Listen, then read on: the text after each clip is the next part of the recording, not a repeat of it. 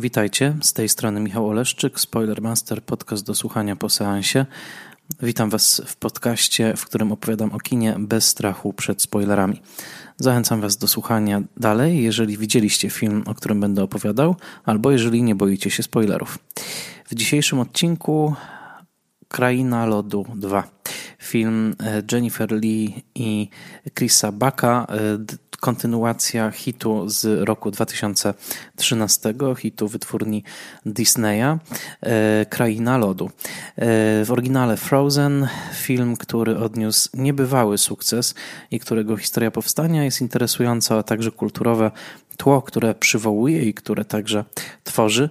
Dzisiaj w podcaście opowiem troszkę o tym, jaka była historia mm, właśnie tego projektu Krainy Lodu, co udało się w pierwszym filmie, jakie też było jego kulturowe znaczenie, a na koniec odcinka powiem, co myślę o tej nowej wersji mm, sequelu drugiej części, którą obecnie możemy oglądać na ekranach.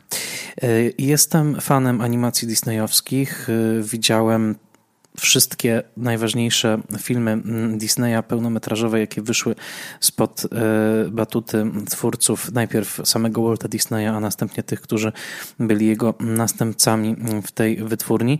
I jakkolwiek sam Disney jako korporacja jest niebywale kontrowersyjny i w zasadzie można powiedzieć, że jest poręcznym symbolem wszystkiego złego, w kulturze korporacyjnej, tym jak wpływa ona na globalizację rozrywki, bo obecnie Disney jest już behemotem, który połknął w zasadzie wszystko włącznie z Gwiezdnymi Wojnami i za chwilkę być może będzie wojował z Netflixem, kto wie, czy nie połknie także Netflixa.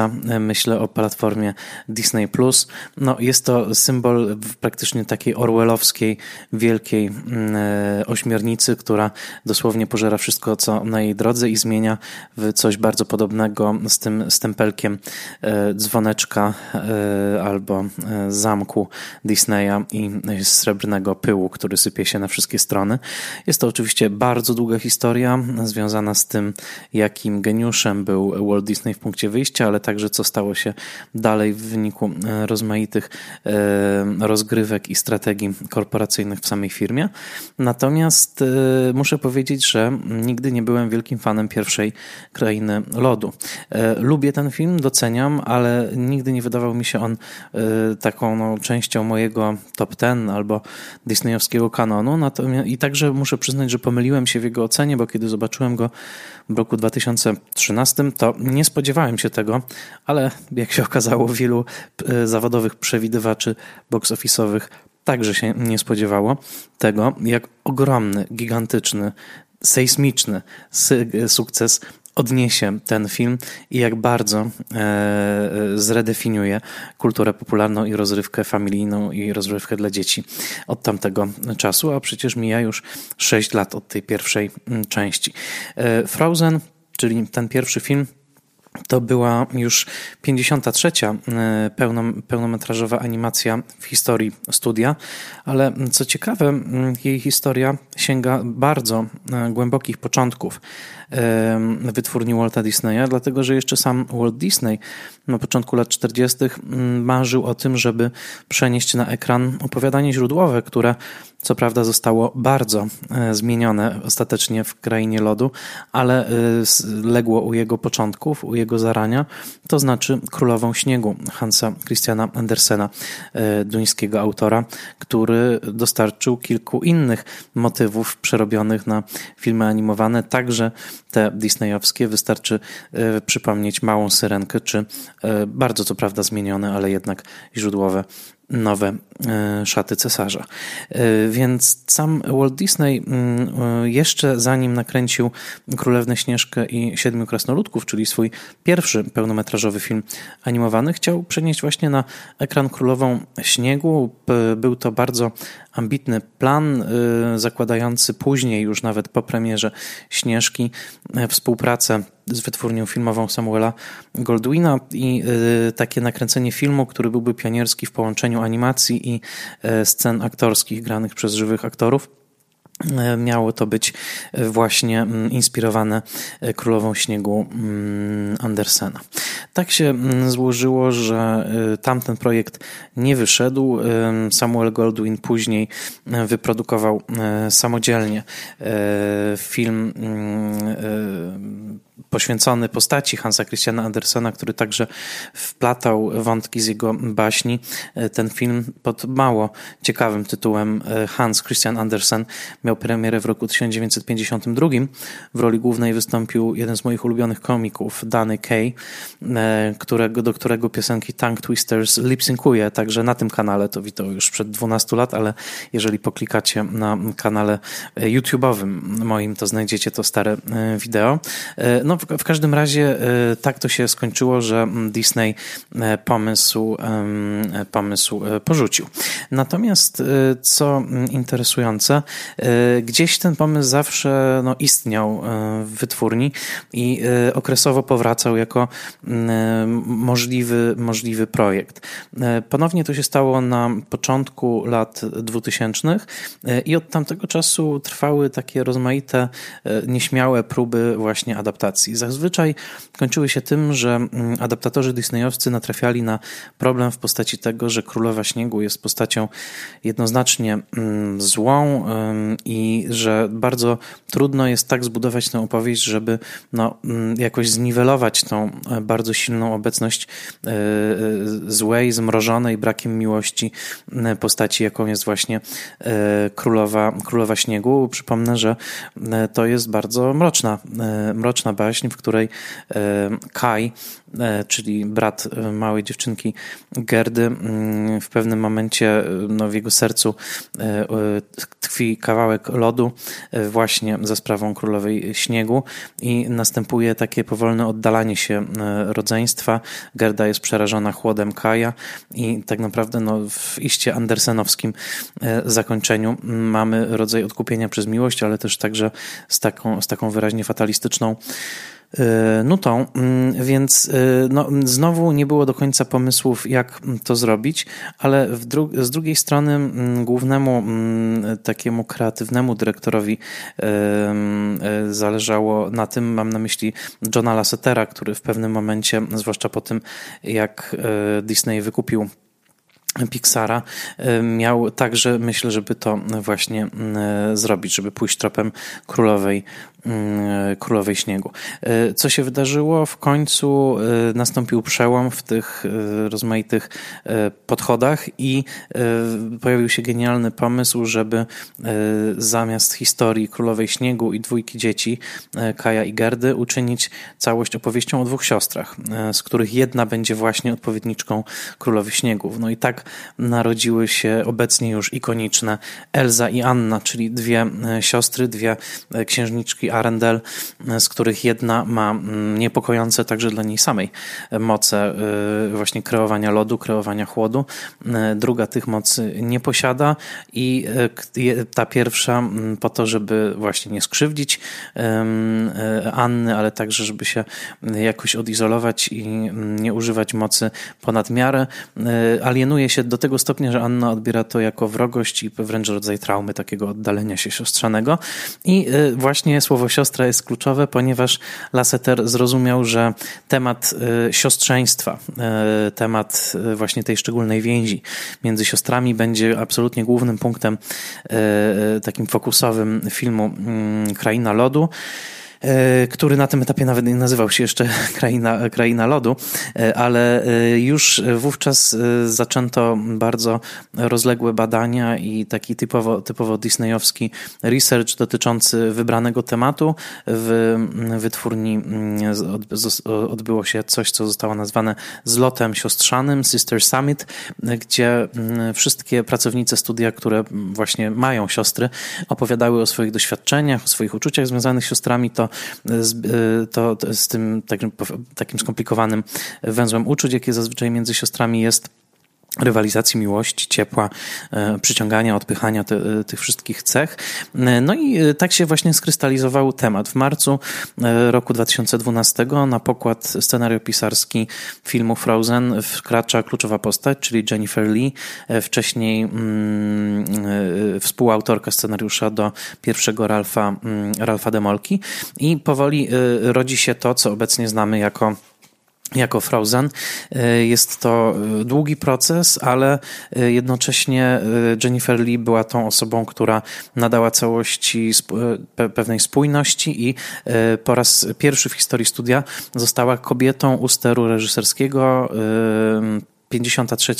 E, pełnometrażowa animacja Disneya Król, e, Kraina Lodu była jednocześnie pierwszą, e, w której pod napisem Directed by mogliśmy przeczytać nazwisko kobiety. Była to właśnie Jennifer Lee, tutaj w duecie z Chrisem Buckiem, o którym bardzo ciepło się wyrażała w wywiadach i mówiła o tym, że mm, mają wyjątkową chemię, myślą bardzo podobnie i jest to rzeczywiście bardzo mm, zgrany, mm, zgrany duet.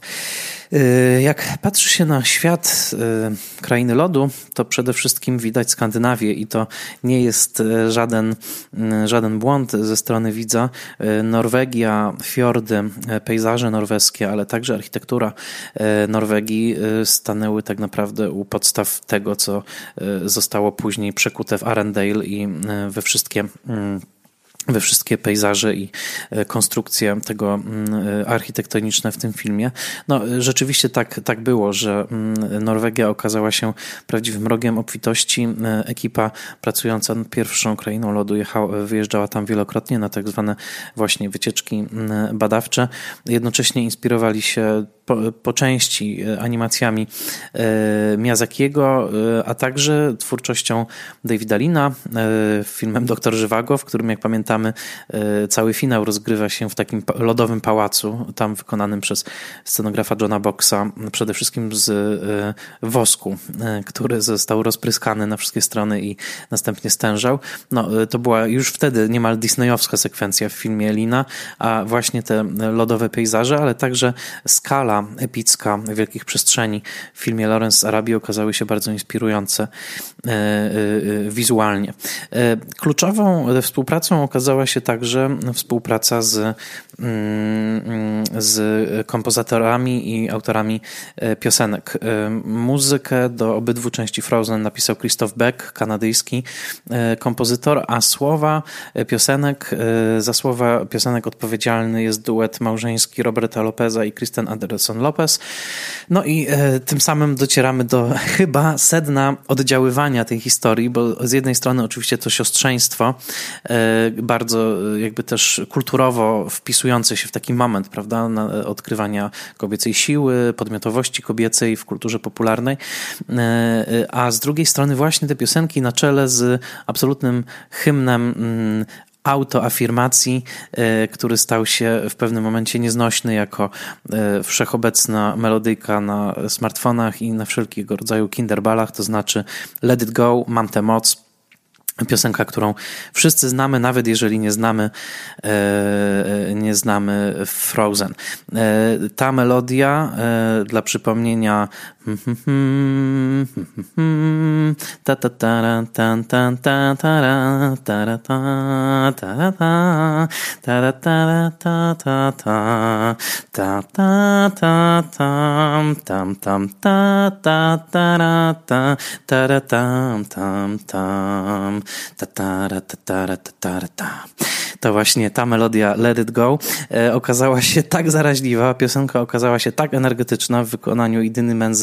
gwiazdy broadwayowskiej, która wcieliła się wokalnie w mm, e, Elza, no, że rozbiła bank. Piosenka otrzymała Oscara. E, Robert Lopez już wcześniej był absolutnym gigantem no, nowego Broadwayu. E, przypomnę, że podpisał Avenue Q, Księgę Mormona i okazał się no, absolutnym godnym następcą, chociaż muzycznie mniej mnie satysfakcjonującym tego duetu, mm, jakim wcześniej dla Disneya w tym okresie disneyowskiego renesansu, mierzonego od sukcesu Małej Syrenki w 1989 roku, byli Alan Menken i Howard Ashman którzy także swoją drogą wywodzili się, wywodzili się e, z Broadwayu. Zresztą sam Lopez e, e, często wspominał, że kiedy pracowali z Kristen Anderson Lopez nad piosenkami, zadawali sobie bardzo często pytanie, co zrobiłby Ashman, czyli właśnie co zrobiłby autor tych legendarnych ilustracji, chociażby do Małej Syrenki czy do Pięknej Bestii. I e, no tak się, tak się stało, że piosenka rozbiła bank. E, swoją drogą Robert Lopez e, naprawdę jest, jest obecnie mega gwiazdą. Przygotowując ten odcinek dowiedziałem się między innymi, że jest 15 osobą w historii nagród rozrywkowych w Stanach, która otrzymała nie tylko, że wszystkie nagrody, cztery najważniejsze, czyli Oscara, Tony, czyli nagrodę broadwayowską, Emmy, czyli nagrodę telewizyjną i Grammy, Grammy, czyli Nagrodę Przemysłu Fonograficznego, bo o tym wiedziałem, że są takie osoby, między innymi Bob Fosse był taką osobą. Natomiast dowiedziałem się, że Lopez przebył wszystkich pozostałych, dlatego że Wszystkie te nagrody otrzymał dwukrotnie, co się nigdy jeszcze nie zdarzyło, a także najkrótszy, najkrótszy okres czasu zajęło mu otrzymanie tych wszystkich nagród. Więc rzeczywiście no, w tym momencie w show biznesie amerykańskim można powiedzieć, że nikt e, e, nie, nie stoi ponad Robertem, Robertem Lopezem. No i tak jak powiedziałem, piosenka stała się wielkim, e, wielkim hitem. Także duet e, wokalny podkładający e, no, głosy Anni i Elzie, Kristen Bell i Dina Menzel okazały się absolutnym strzałem, strzałem w dziesiątkę mm, i cały właśnie taki wizualny, wizualny sznyt, no, z niebywale także skomplikowaną i generującą pewnie jakieś tera, terabajty, nie wiem co jest ponad terabajtami, ultrabajty danych, obrazy śniegu i, i także bardzo detalicznych, e, e, detalicznych zbliżeń na jego rozmaite faktury. Nigdy jeszcze w animacji śnieg nie był pokazany e, tak realistycznie. To, jak on się zlepia, kruszy, dość powiedzieć, że specjalny generator wyprodukował ponad 2000 unikalnych wzorków poszczególnych płatków śniegu. No, jesteśmy w takim momencie naszej kultury wizualnej, że można powiedzieć, docieramy do kresu pewnej dekadencji, jeżeli e, ileś tam set komputerów pracuje, żeby stworzyć 2000 unikalnych e, płatków śniegu, e, ale także wszystkie efekty śniegowe, efekty nazwijmy to włosowe. Pamiętajmy, że wcześniej był mm, film Tangled e, disneyowski, w którym, zaplątani, e, w którym już bardzo efektowna była animacja kobiecych włosów, ale Elza, czego też dowiedziałem się przygotowując ten odcinek, ma na głowie policzone i wyprodukowane przez komputery 420 tysięcy animowanych włosów indywidualnych. 420 tysięcy. E, zwykły człowiek, to także internetowe znaleziska, ma około 100 tysięcy, więc kiedy patrzymy na te pięknie falujące włosy Elzy, pamiętajmy, że są one dosłownie mm, i w każdym właściwie sensie nieludzkie i nadludzkie. Więc y, te wszystkie, to połączenie tych elementów, siostrzeństwo, skandynawski, y, skandynawska mitologia, prawda, trole, fiordy, wikingowie, słup majowy, widoczny nawet w odcinku runy, y, nie w odcinku w pierwszej części, a także runy mm, i, i, i elementy zaczerpnięte z kultury sami, to wszystko taki no folklor tak naprawdę przerobiony na disneyowski, na disneyowski sposób w z tą skandynawską naturą i z tym niesamowitymi efektami śniegowymi, także e, opracowywanymi na podstawie doświadczeń, bo e, grupy disneyowskich researcherów jeździły do stanu Wyoming i tarzały się w śniegu, e, także tarzały się w długich sukniach, żeby zobaczyć, jakie będą efekty wizualne tego, przy czym i mężczyźni, i kobiety zakładali te suknie do eksperymentów. Żyjemy w czasach genderowej, przynajmniej projektowanej równości. Więc to wszystko bardzo pięknie się połączyło. Mm, do tego powstał niezapomniany sidekick, czyli postać e, poboczna, dostarczyciel humoru w postaci w postaci bałwana Olafa. E, w oryginale głos podkłada mu Josh Gad, e, w polskiej wersji znakomity Czesław Mozil. Olaf, czyli połączenie takiego pozbawionego mózgu, głupiutkiego, ale głupiutkiego na sposób poetycki, to znaczy w swojej głupocie przekraczającego granicę poezji, tak jak trochę strach na wróble w Czarnoksiężniku z Oz, mm, tak w tej, w tej roli naprawdę no, jest, jest niezrównany. Punkt, punktuje i kontrapunktuje E, wszelkie, nawet najpoważniejsze zakrętasy fabuły e, swoim, nawet często niezamierzonym e, dowcipem, a w wersji Mozilla jeszcze takim dziecięcym tonem wypowiadania, wypowiadania zdań i ciągłym rozpadaniem się także na kawałki i ponownym się zlepianiem. Uważam, że Olaf jest najwspanialszym mm, tworem tej całej, tego całego przedsięwzięcia, najbardziej oryginalnym bohaterem. No więc film wystrzelił jak rakieta rakieta, pierwszy Frozen zarobił ponad miliard dolarów, ponad miliard 300 milionów dolarów. Był ogromnym hitem na całym świecie. Był najbardziej ściąganym także nielegalnie filmem w historii ściągania internetowego. Wszyscy o tym możemy się przekonać, jeżeli mamy dzieci albo są dzieci w naszym otoczeniu, że małe dziewczynki zwłaszcza absolutnie oszalały na, na punkcie Elzy i y, gdzieś w naszej rodzinie zapewne jest jakaś mała Elza albo dziewczynka przebierająca się za Elzę albo śpiewająca Mam tę moc. W 2014 roku imię Elza po raz pierwszy pojawiło się w amerykańskich zestawieniach najczęściej nadawanych imion dziecięcych i podobno badania wykazały, że było to imię, które wybierały, mm, wybierało rodzeństwo dla mającego przyjść na świat e, e, dziecka, czyli dla mającej przyjść na świat siostry, więc Elza przychodziła często na świat w Stanach Zjednoczonych jako ta wymarzona siostra, taka właśnie jak jest to, mm, jest to w filmie. E, mm, nie obyło się także bez kontrowersji.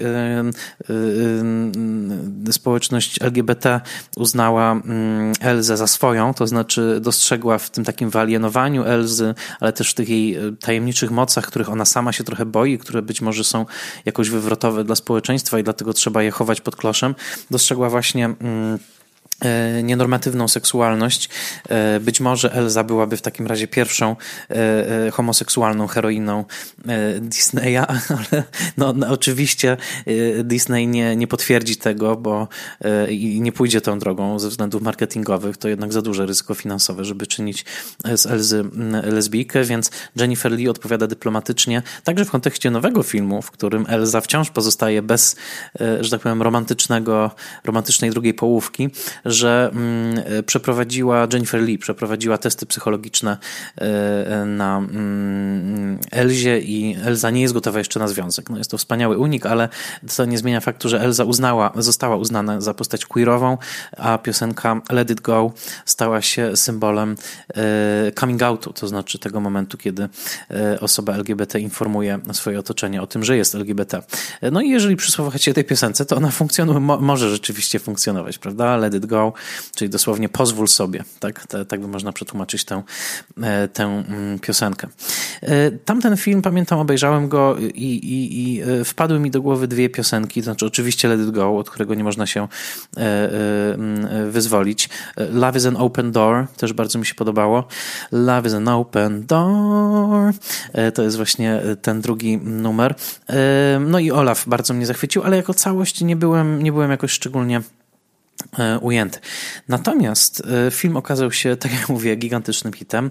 Rynki japońskie także oszalały na jego punkcie, no więc było tylko kwestią czasu, aż Frozen 2 pojawiło się na ekranie. W międzyczasie kilka jeszcze disneyowskich filmów i tak oto właśnie w listopadzie 2019 roku e, mamy na ekranach Królo, Krainę Lodu 2, 58 już animację pełnometrażową Disneya, znowu ten sam duet, Chris Buck, Jennifer Lee, znowu Kristen Anderson Lopez i Robert Lopez jako e, wspólnie z Christopherem Beckiem oczywiście e, u sterów muzycznych, ten sam producer, e, producent Peter Del Vecchio. No i historia, która no oczywiście zahacza o wątki z pierwszej z pierwszej części, to znaczy mamy tutaj trochę backstory tej historii wcześniejszej. Dowiadujemy się o pewnym rozłamie, który nastąpił pomiędzy pomiędzy Northuldrą e, a, a e, Arendale, pewnym pogwałconym przymierzu, pogwałconym przez dziadka naszych bohaterek. Oczywiście teraz totalnie spoiluję, no ale jesteście w spoiler masterze. Ogólnie jest tak, że cały film osnuty jest wokół wyprawy Elzy, Anny i Olafa, plus oczywiście Krzysztofa, czyli Krzysia w polskiej wersji wersji, który jest takim e, blond zbudowanym jak szafa, przystojniakiem, jednocześnie, który jest nie za bardzo inteligentny, ma, jest takim typem rosłego Skandynawa, który ma przy sobie nieodłącznego łosia, czy renifera e, i, i oni i oczywiście kocha się w Annie w tej e, części, chce się jej cały czas oświadczyć, to jakoś nie, nie wychodzi, także dlatego, że Anna reaguje histerycznie, ona swoją drogą w całej, w całym tym filmie jest dosyć historyczna, chwilami moim zdaniem nawet, nawet za bardzo. No i, no i cóż, mamy, mamy ten, tę wyprawę do Zaklętej Puszczy, Zaklętej Puszczy, do której przyzywa Elze głos na trzech nutkach wyśpiewane takie wezwanie, które Elza słyszy, nikt inny go nie słyszy, Elza podąża za tym wezwaniem, ogłasza to widowni ten cel właśnie podążania w piosence mm, Into the Unknown w polskiej wersji. Moim zdaniem co najmniej tak dobrze zaśpiewanej jak, jak oryginał przez Katarzynę Łaskę, czyli Chcę uwierzyć snom to jest moment, w którym Elza decyduje się właśnie na wyprawę do, do e, Zaklętej Puszczy, podąża za nią Anna, no i zaczyna się właśnie taka no, klasyczna droga przez, przez puszczę, klasyczna droga w jakimś mitycznym celu, właśnie żeby dogrzebać się do przeszłości rodzinnej. Okazuje się, że Elza i Anna są owocem e, nie tylko tego sojuszu, ale także no, połączenia dwóch ludów, tak? dlatego że matka e, dziewczynek pochodziła właśnie z Nortuldry, a ojciec ojciec był mm, z Arendale, więc one, one są żywym dowodem y, sojuszu, który wszakże przez dziadka został, mm, mm, został pogwałcony. No i tutaj, już nie zagłębiając się bardziej w meandry fabuły, które są raz bardziej prze, prze, przekonujące, raz mniej, ja od razu powiem y, pełny, y, pełny tutaj odsłonięcie. Ja wystawiłem filmowi szóstkę na Filmwebie, czyli 6 na 10 punktów. Nie wszystkie te zawijasy fabularne mnie przekonały, e, ale można dostrzec pewne podobieństwa z pierwszą częścią. To znaczy, po pierwsze, e, to jest świat i to, to jest także mitologiczny świat, e, który bardzo radykalnie zrywa z takim mm, pojęciem metafizycznego zła. Tak? To znaczy, w tym świecie tak naprawdę nie ma takiego jednego centrum zła. E, to jest świat, w którym są co najwyżej jakieś e, niezaleczone traumy i nieobgadane kwestie. To po pierwsze. Dlatego też e, moce Elzy, które na początku się wydają mroczne, tak naprawdę no, oświetlone z odpowiedniego kąta widzenia są tak naprawdę dobre. Po drugie, w obydwu częściach siostrzeństwo jest najsilniejsze, a mącicielem jest E, mężczyzna u władzy. I to też jest bardzo charakterystyczne dla naszego czasu, bo e, to jest też jakby najłatwiejszy sposób dla nabicia sobie e, populistycznych punktów wśród widowni, jeżeli pokaże się mm, właśnie tego złego mężczyzna u władzy, który, który no, najlepiej jeszcze, żeby pogwałcił przy okazji jakiś, jakiś właśnie traktat z ludem, z ludem miłującym naturę, tak jak jest tutaj. No i takim właśnie postacią jest dziadek, dziadek, który w zasadzie jest taką figurą trumpowską, tak? E, e, takiego bez, bezlitosnego, nieczułego, cynicznego polityka. Książę Hans był kimś takim w poprzedniej wersji. Także to, ten trik jest powtórzony, że siostrzeństwo jest nienaruszone, jest święte, jest absolutnie najważniejszą wartością, a że tak powiem, jedyne problemy, jakie ten świat ma, wynikają z rządnych władzy mężczyzn. To pozostaje. Także ten film rezonuje jakoś, chociaż moim zdaniem niedostatecznie, albo przynajmniej dziwnie krąży wokół kwestii zmiany klimatycznej, bo oczywiście były już filmy animowane, w których właśnie zmiana pogody była kluczowa, no, mm, że wspomnę klopsiki i inne zjawiska pogodowe, ale no, jesteśmy w czasie, kiedy rzeczywiście zmiana klimatyczna przejmuje bardzo wielkie obszary naszej wyobraźni e, i, i także mm, naszej gospodarki lęków. E, I, I tutaj właśnie ten widok e, zmieniającej się nagle pogody, tej wygna wręcz wygnania z domu mieszkańców Arendelle przez zmieniające się żywioły, no bardzo rezonuje. Z drugiej strony e, jest to wszystko na końcu odjęte jakby jak za pomocą czarodziejskiej różdżki. Ta ingerencja w naturę, jaką było zbudowanie tamy tak naprawdę jest bardzo łatwe do odwrócenia. Przy okazji nie ma tutaj sugestii, że byłby to jakiś proces długofalowej zmiany opartej na ludzkiej kooperacji i zmianie stylu życia, że tak powiem ekologicznie. No nie, to jest, to jest błyskawiczna zmiana, dzieje się natychmiast i też w zasadzie odpowiedzialność ponosi tylko i wyłącznie ów dziadek, a nie wszyscy mieszkańcy Arendale, że tak pociągnę już tę polityczną analogię dalej, ale ona w filmie nie jest tak, tak daleko mm, pociągnięta. Więc e, no koniec końców mamy film, który y, absolutnie dotyka tych wszystkich toposów już wykreowanych i sprawdzonych marketingowo. To jest bardzo bezpieczny film, absolutnie nie idzie ani o krok w bok e, e, oczekiwań. E, wydaje mi się, że też przez to przewidywalny. Momenty tej afirmacji bohaterek, kiedy one wyśpiewują właśnie te swoje afirmacyjne songi, tak ja bym to tak nazwał, są dla mnie już odrobinę nużące. Taką jedno let it go mi, e, mi mm, wystarczyło. E, mm, ale no, mm, co jest dla mnie absolutnym akumulatorem humoru dobrego w tym filmie, jest nim Olaf. Olaf, który tutaj w pewnym momencie nawet parodiuje cały pierwszy film, dlatego że kiedy nasi bohaterowie napotykają na taki kontyngent żołnierzy z Arendelle, który został jakby uwięziony w zaklętej puszczy, puszczy w momencie złamania tego traktatu, o którym wcześniej powiedziałem, no to Olaf odgrywa dla nich właściwie całą akcję pierwszego filmu w takim bardzo śmiesznym montażu, który e, przekłuwa powagę opowieści i tak naprawdę pokazuje całość jako melodramat e, i taki dosyć absurdalny, którym w sumie ten film jest, więc absolutnie to wspaniały moment Olafa, e, świetna piosenka Kiedy będę starszy i bardzo przejmująca dla mnie scena śmierci Olafa, jego rozpłynięcia się w powietrzu, oczywiście na końcu odwróconego przez Elzę, ale jednak no, ten moment, kiedy naprawdę ścisnęło mi się serce, bo nie chciałem, żeby Olaf umierał, e, zbyt, zbyt jest cudowną postacią, mm, to, to na mnie też podziałało. E, natomiast e, już ten miłosny song, taki w kluczu trochę emo, ewentualnie w kluczu Karate Kida, jak wskazała mi Patrycja Mucha, za co bardzo dziękuję, no, w którym Chris śpiewa no, ten swój miłosny song i jest takim właśnie trochę zakochanym nastolatkiem z 80sów.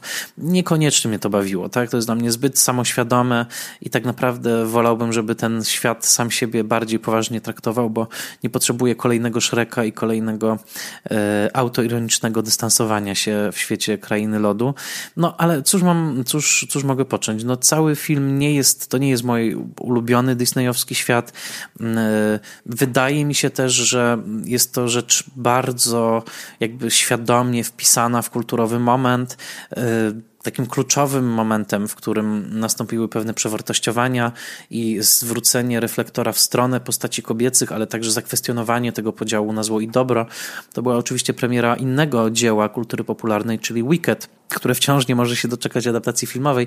To był kluczowy mm, broadwayowski musical, w którym bohaterkami stawały się wiedźmy z Czarnoksiężnika z Oz i tak naprawdę cała historia była opowiedziana z ich perspektywy i tam właśnie już nastąpiło to takie anulowanie mocnego podziału na to, kto jest dobry, a kto zły, tylko właśnie były kwestie jakichś nieprzegadanych problemów komunikacyjnych, e, faili e, i, i tak dalej. Także no tutaj to jest kontynuowane, tak? Tutaj bardzo trudno jest wskazać w tym świecie na jakiś mocny porządek tego, co należy robić, czego nie, nie należy robić. Oczywiście nie należy niszczyć przyrody i nie należy zawierać cynicznych politycznych deali, ale y, myślę, że pod względem takim aksjologicznym to jest o wiele uboższy, uboższy świat niż, e, niż w innych filmach, gdzie na przykład w Pięknej Bestii Gaston był po prostu zły, tak? I e, też Urszula w e, Małej Syrence także była po prostu wspaniałą, absolutnie wspaniałą, czarną, czarnym charakterem, tak?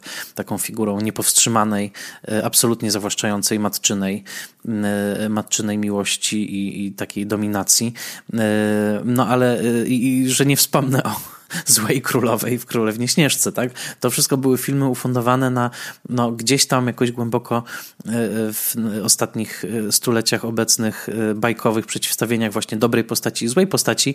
No tutaj mamy flirt z takim porządkiem, ale w sumie, w sumie tego, mm, tego zła jakby w tym świecie tak naprawdę, tak naprawdę nie ma I, i, i w sumie jest to bardziej taki terapeutyczny portret właśnie dwóch sióstr bardzo różnych od siebie, które E, na przestrzeni tych filmów negocjują swoją relację i uczą się akceptacji siebie, swoich bardzo odmiennych darów, swoich bardzo odmiennych temperamentów itd. Tak itd. Tak e, więc budzi to mój, mój, moją sympatię, nie entuzjazm.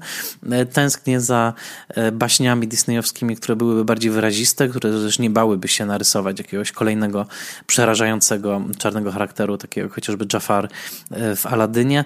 Mm, jednocześnie śledzę ten, tę franczyzę franczyzę już w zasadzie, można powiedzieć, zainteresowaniem, e, bo jest to absolutny fenomen kultury popularnej naszego czasu i, e, i no, warto wiedzieć, co w trawie, e, co w trawie piszczy, mm, a swoją drogą także jest to taki przyczynek do tego, jak kobiecość jest portretowana w filmach disneyowskich. No i cóż, pewne rzeczy się nie zmieniają, to znaczy ta ciągła śliczność naszych bohaterek, nawet w najgorszych okolicznościach, jest czymś, co też Disney jakoś już unormował mm, i, i kwestia tego, czy będą jakieś przedstawienia w filmach Disneya, które troszkę będą wykraczać poza ten kanon jednak dosyć banalnego piękna, wywiedzionego gdzieś tam e, z, jeszcze z tych wczesnych prób tworzenia właśnie ikonicznych księżniczek mm, disneyowskich, to jest oczywiście kwestia do, do e, zobaczenia. W tym nowym tysiącleciu moim ulubionym disneyowskim filmem pozostaje Księżniczka i Żaba. Paradoksalnie film, który nie miał animacji 3D, tylko miał tradycyjną animację. Y, y, tam jakoś absolutnie zachwycił mnie ten, ten świat i mm, to jest mój ulubieniec. Y, oczywiście oddzielam filmy pixarowskie, bo to troszkę inna historia. Natomiast e, powiem tak, e, film warto, warto zobaczyć po prostu dla mm, chwili relaksu. E, obejrzałem ten film w poniedziałkowy wieczór po bardzo długim dniu pracy i sprawił mi przyjemność na chwilę przeniesienie się właśnie do tego lodowego świata, śledzenie kunsztu animacyjnego. No i co tu dużo ukrywać, piosenek. Ja nie jestem wielkim fanem Lopeza i Beka, Lopezów i Beka. Mm, kocham Avenue Q, inne rzeczy nie, nie aż tak bardzo. Może Ewentualnie wskazałbym piosenkę Remember Me z filmu Coco, ale to, to nie jest powiedzmy ten tryb musicalowy, który najbardziej mnie, y, mnie kręci. Ale y, no nie będę ukrywał, od tamtego czasu przez kilka dni w moim Spotify'u y, kilkakrotnie już kręciły się piosenki właśnie z, tej, z tego filmu i e, zwłaszcza mm, e, Chcę uwierzyć snom, czyli Into the Unknown e, pojawił się tam kilka, kilkakrotnie. E, a także e, jeszcze parę innych piosenek, zwłaszcza piosenki Olafa. E, mam nadzieję, że podobał Wam się ten odcinek. Jeżeli tak, zapraszam do polajkowania mojego fanpage'a na Facebooku Spoilermaster, podcast do słuchania po seansie, a także zachęcam, wciąż dostępne są naklejki Spoilermastera. Wystarczy napisać na michal.oleszczyk.gmail.com, podać swój adres domowy, a ja bardzo chętnie wyślę Wam bardzo ładną, myślę, naklejkę z logo mojego podcastu i prośba zwrotna tylko taka, abyście nakleili tę naklejkę w jakimś e, ważnym dla Was miejscu, po czym zrobili zdjęcie i wrzucili zdjęcie do mediów społecznościowych z rekomendacją podcastu, bo bardzo zależy mi na kolejnych słuchaczach i na tym, żeby te odcinki trafiały do jak największej ilości zainteresowanych kinem e, kinomanów. E, bardzo Wam dziękuję za to spotkanie i do usłyszenia za tydzień.